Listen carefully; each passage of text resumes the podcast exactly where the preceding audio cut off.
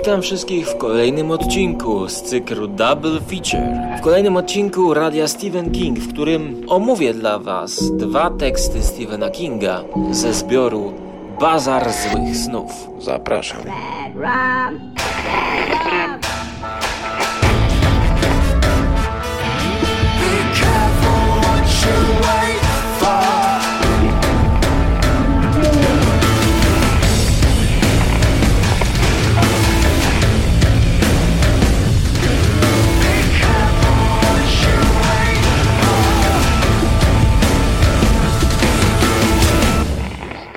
Początkowo chciałem zacząć ten odcinek od Zielonego Bożka Cierpienia, opowiadania z 2011 roku.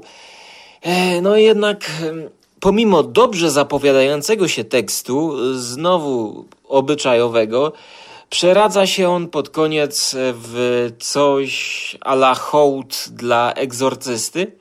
Co prawda z ciekawym pomysłem zamiany jakby szatana, demona, no właściwie to demon nadal jest, który jest odpowiedzialny za ból pewnego milionera po wypadku. Oczywiście opowiadanie zainspirowane wypadkiem samego Stephena Kinga. E, jednak największym minusem tego tekstu jest to, że kończy się on no właściwie jakby w środku wydarzeń. I tutaj brakuje puenty, bo jedyną puentą jest to, że początkowa niewiara miliardera e, jest e, no, mu jakby w twarz pokazana, że zobacz, no rzeczywiście nie wierzyłeś, że tutaj ten demon jest odpowiedzialny za twoje cierpienie, a właściwie nie temu bohaterowi, tylko pielęgniarce, która się nim opiekuje, jest zdjęta ta bar bariera świata realistycznego i pokazany świat jest ten, ten jakby, no nazwijmy to duchowy, z horroru. I dlaczego to opowiadanie się kończy od razu? Nie wiem. Nie wiem i za bardzo nie mam tutaj nic do dodania. To, co już jakoś mogę zinterpretować, to jest następny tekst w zbiorze, czyli ten autobus to inny świat.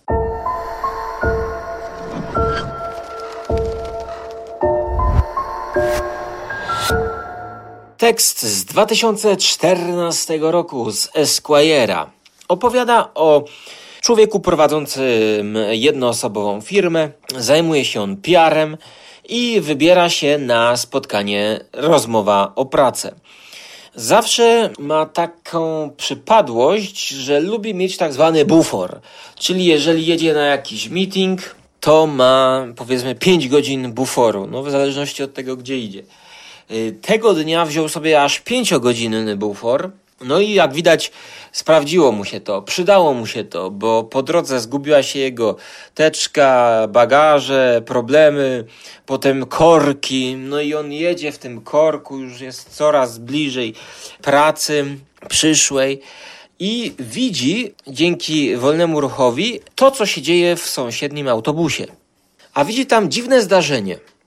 Widzi tam kobietę i specyficznego mężczyznę, który coś zagaduje do niej.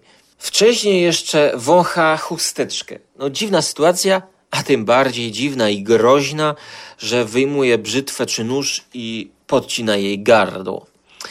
I następnie uśmiecha się do obserwującego to, będącego w szoku naszego piarowca, głównego bohatera opowiadania. I to zdarzenie daje naszemu protagoniście taki impuls do refleksji nad tym, że jego życie jest czymś zupełnie innym niż życie ludzi jadących obok. Bo zobaczcie, w taksówce mamy atmosferę pośpiechu. Facet bardzo się śpieszy, zależy mu, aby dotrzeć na spotkanie. Od tego zależy jego przyszłość. Nowa praca. Denerwuje się. A tam w autobusie jakaś kobieta spokojnie sobie jedzie, ktoś słucha iPoda, muzyczki, klimat wyluzowany, zwykli ludzie, prawda, których nawet nie stać na taksówkę. Być może właśnie wracają do domu. No i właśnie to było zainspirowane podobną sytuacją Kinga, który jechał sobie taksówką ze swoim szoferem na spotkanie z, z czytelnikami. No, no, on nie wiedział skąd oni są, kim są ci ludzie. I pomyślał sobie, widząc właśnie dziewczynę, która spojrzała na niego, fajnie byłoby mu być na miejscu tej kobiety. A być może, myśli sobie King, jej byłoby fajnie być na miejscu Stephena Kinga, jadąc w ekskluzywnej jakiejś limuzynie, steczką, elegancko ubrany, czy tam jakiś szofer, tego typu klimaty. I gdyby oni się zamienili w tym czasie miejscami, to Steven myśli, że wtedy obydwoje byliby szczęśliwi. szczęśliwi. No bo on też chciałby raczej jechać teraz akurat do domu, bo tego dnia wyjątkowo nie chciało mu się jechać na spotkanie. Do, do żony chciałby pojechać, odpocząć sobie, gdzie czeka na niego fotel z dobrze oświetloną kanapką i czy kanapką, fotel czy kanapa.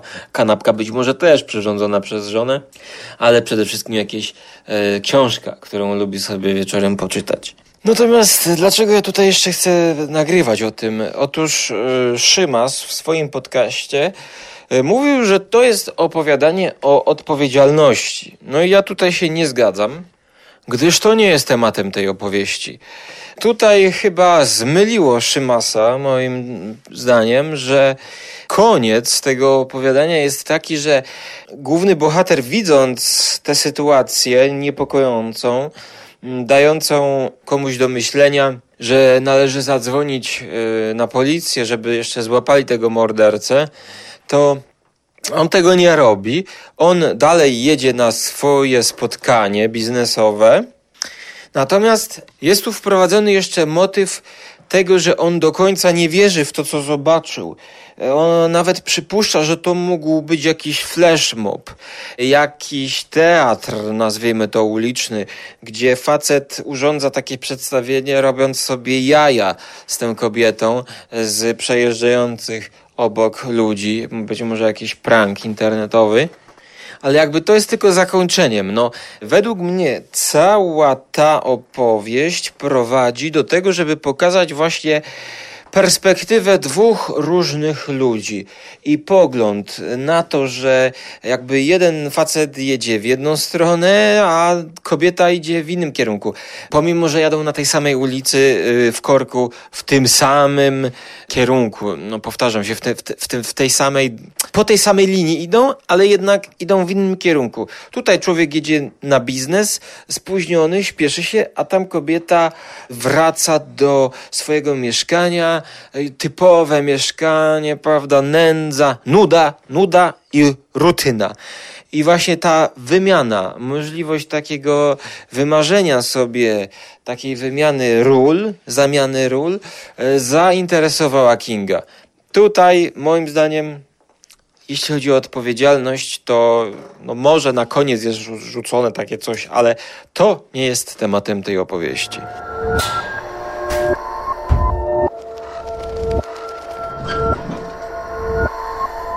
Notabene dla mnie ona pozostawiła niedosyt.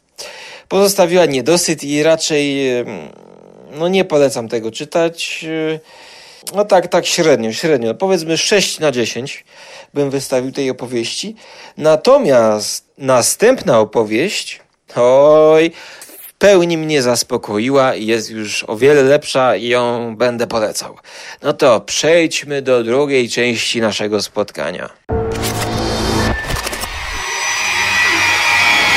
Bizarre of Bad Dreams, new from Stephen King. Ja tutaj jeszcze dodam, że mam podobnie jak Steven, że wielokrotnie jadąc gdzieś ulicami e, oglądam, co się dzieje w autobusach. Często właśnie wprowadza to we mnie takie przemyślenia jak u Stevena. No ja mógłbym e, również, gdybym potrafił napisać tego typu opowiadanie, mógłbym się pod nim podpisać, choć myślę, że zakończenie im inaczej bym skonstruował. Trzeba też przyznać, że właśnie takie dziwne mam myśli, takie no refleksyjne, że rzeczywiście to, to są inne światy, no aczkolwiek pod tym kątem, że bardziej intryguje mnie Zastanawia mnie, dokąd ci ludzie jadą. E, bardziej interesuje mnie, czego oni słuchają na tych iPodach swoich. Skąd jadą? E, z kim rozmawiają? O czym tam rozmawiają?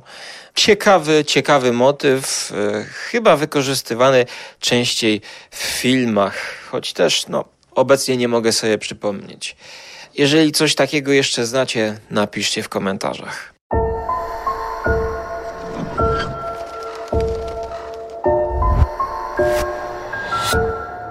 Nekrologii to opowiadanie, które wcześniej było nieopublikowane. Swoją premierę ma w Bazarze Złych Snów i to bardzo mnie cieszy, bo jest to King w pigułce. To super, super opowiadanie, powiem wam. Opierające się na prostym pomyśle e, z kategorii dziwny dar, niepokojąca umiejętność znikąd u zwykłego człowieka. Tym razem u dziennikarza, który pisze nekrologii w jakimś szmatławcu, burkowcu.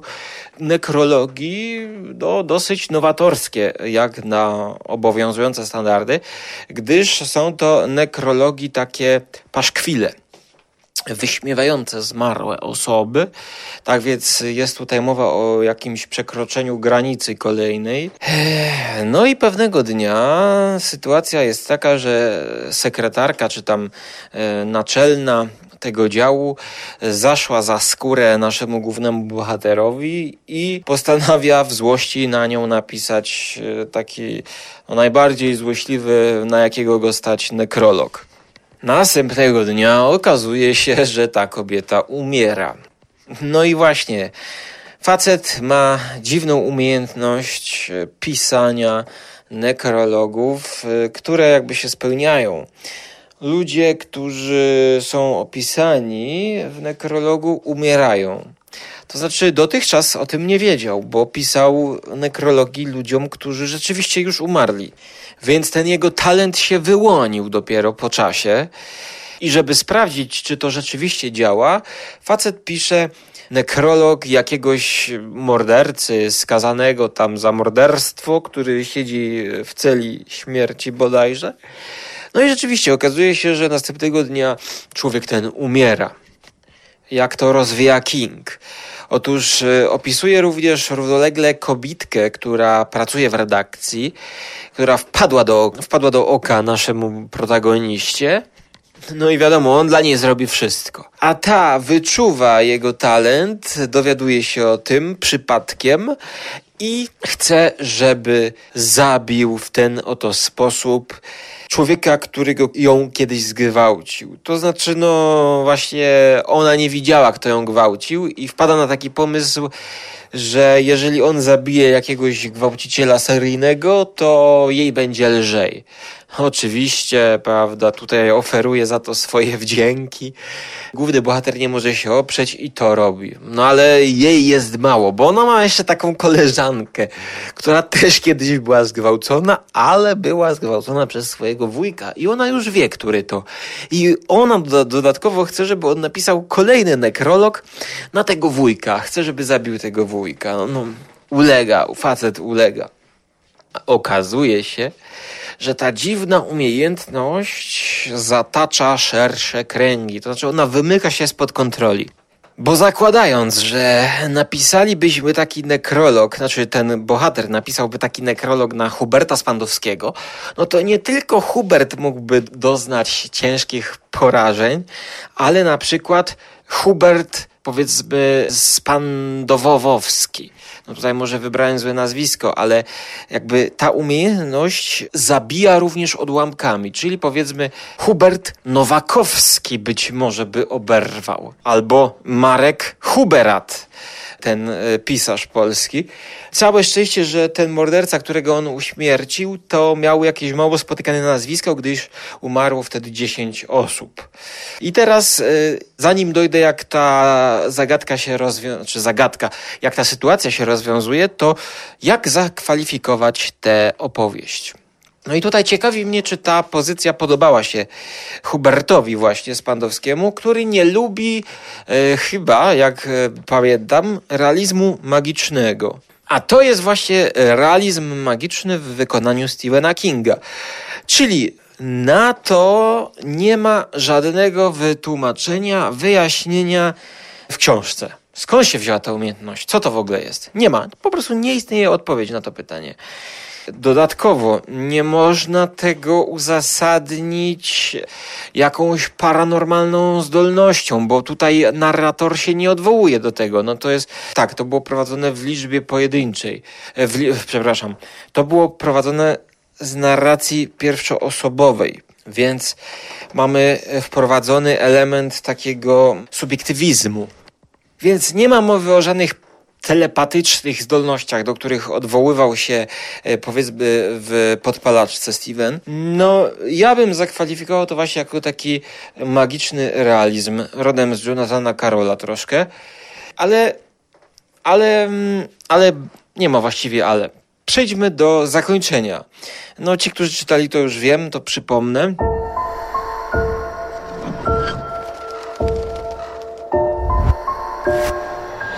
Mamy tutaj coś na kształt takiego epilogu, który był obecny we wcześniejszych powieściach Kinga i ja to bardzo lubiłem. Bardzo lubiłem, bo jakby książka się już skończyła, a King jeszcze dał nam taki posmaczek tego życia jakby po tej całej tragedii, po tych całych takich niepokojących wydarzeniach.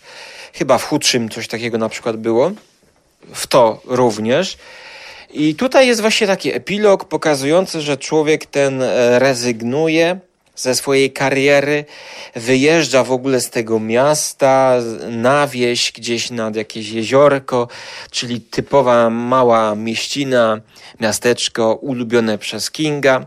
To jest, to jest właśnie rozwiązanie tej sytuacji. E, jak no nie mordować więcej, no bo trzeba powiedzieć, że ta umiejętność kusiła go. To było trochę jak nauk. Jak on to napisał, to poczuł, że ma władzę. To mogło nad nim zapanować. On się tego obawiał. Więc całkowita zmiana środowiska, wyjście z tego dziennikarstwa, no, spowodowało to, że on został jakimś tam cieślą, coś tam pomalował komuś we wiosce, sąsiadowi płot zbił. No i to mu się podoba. To zakończenie też mi się podoba, czyli mamy taki niedosyt, e, jednocześnie epilog. E, no, fajne, fajne, właśnie takie nienarzucające się opowiada- o, o, zakończenie, niewyjaśniające za dużo, a jednak pozostawiające widza w takim, takiej satysfakcji. W sumie taki happy end, taki poczciwy, dobry happy end w starym stylu.